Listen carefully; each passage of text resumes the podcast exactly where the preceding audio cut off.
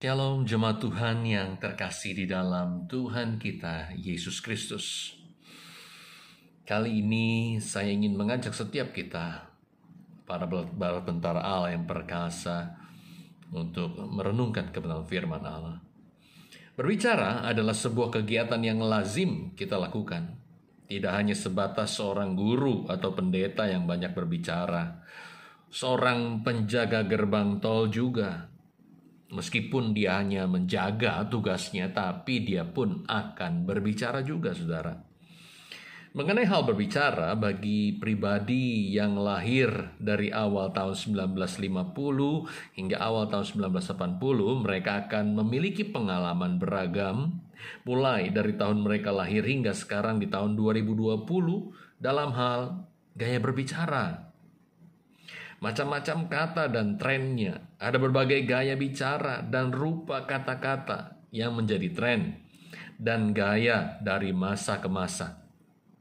Ada berbagai kata yang diambil dari wilayah tertentu atau yang disadur dari bahasa asing yang kemudian menjadi bahasa yang diucapkan dalam pembicaraan secara nasional di negara kita ini.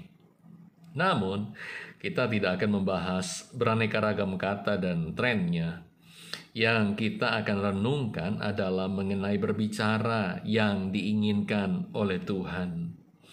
Berbicara dengan memperkatakan perkataan-perkataan yang benar, itulah yang akan kita renungkan pada saat ini.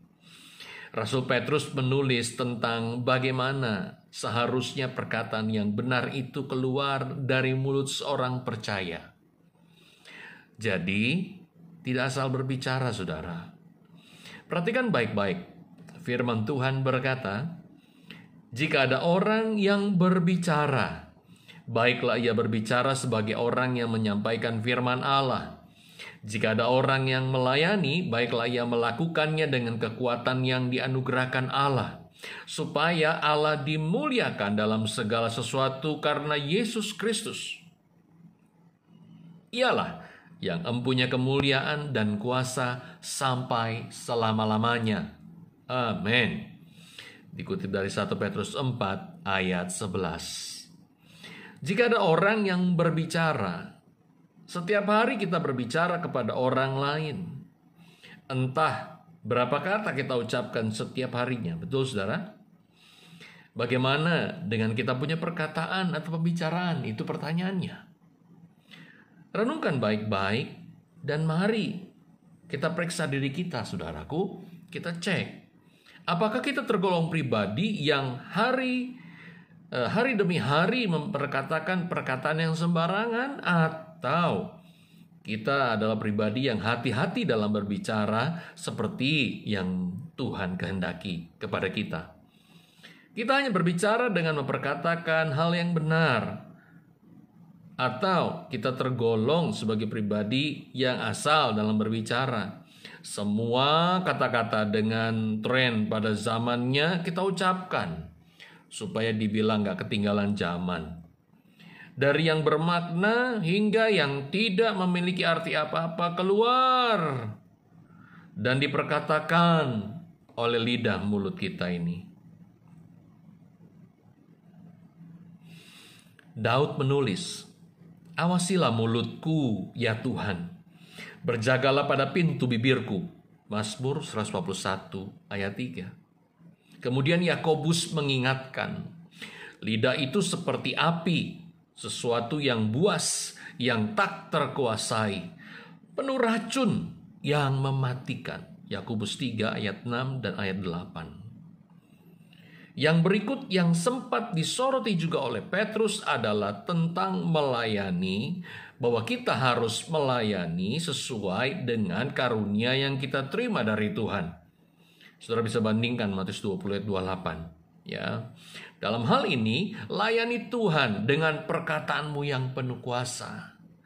Ya, jadi kalau sempat dibahas mengenai pelayanan, pelayanan bukan hanya di belakang mimbar atau yang kelihatan banyak orang, tetapi pada setiap hari saat engkau berkata-kata, saat engkau berbicara, di situlah pelayananmu juga, saudaraku. Dalam hal ini layani Tuhan dengan perkataanmu yang penuh kuasa, sebagai pribadi yang taat kepadanya, yang telah diurapi dan dimampukan olehnya. Jadi, bagaimana kita berkata-kata setiap waktu? Kepada siapa pun kita harus bijaksana, saudaraku. Kita sudah selayaknya seperti kita sedang menyampaikan kebenaran firman-Nya. Berbicaralah, berkata-katalah sebagai orang yang menyampaikan firman Allah. Sampai di sini saya harap kita memahami Ayo, jangan asal berbicara. Bicarakan perkataan, perkatakan, bicarakan, perkatakan hal-hal yang benar. Hal-hal yang membangun. Jangan yang kosong. Jangan yang tidak punya arti apa-apa. Apalagi yang negatif, saudaraku, itu haram hukumnya.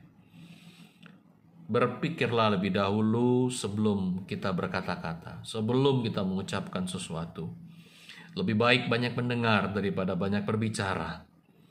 Roh Kudus, saya yakin Roh Kudus pasti memampukan setiap kita untuk dapat berbicara dengan benar supaya dia semakin ditinggikan dan dipermuliakan lewat hidup kita. Haleluya.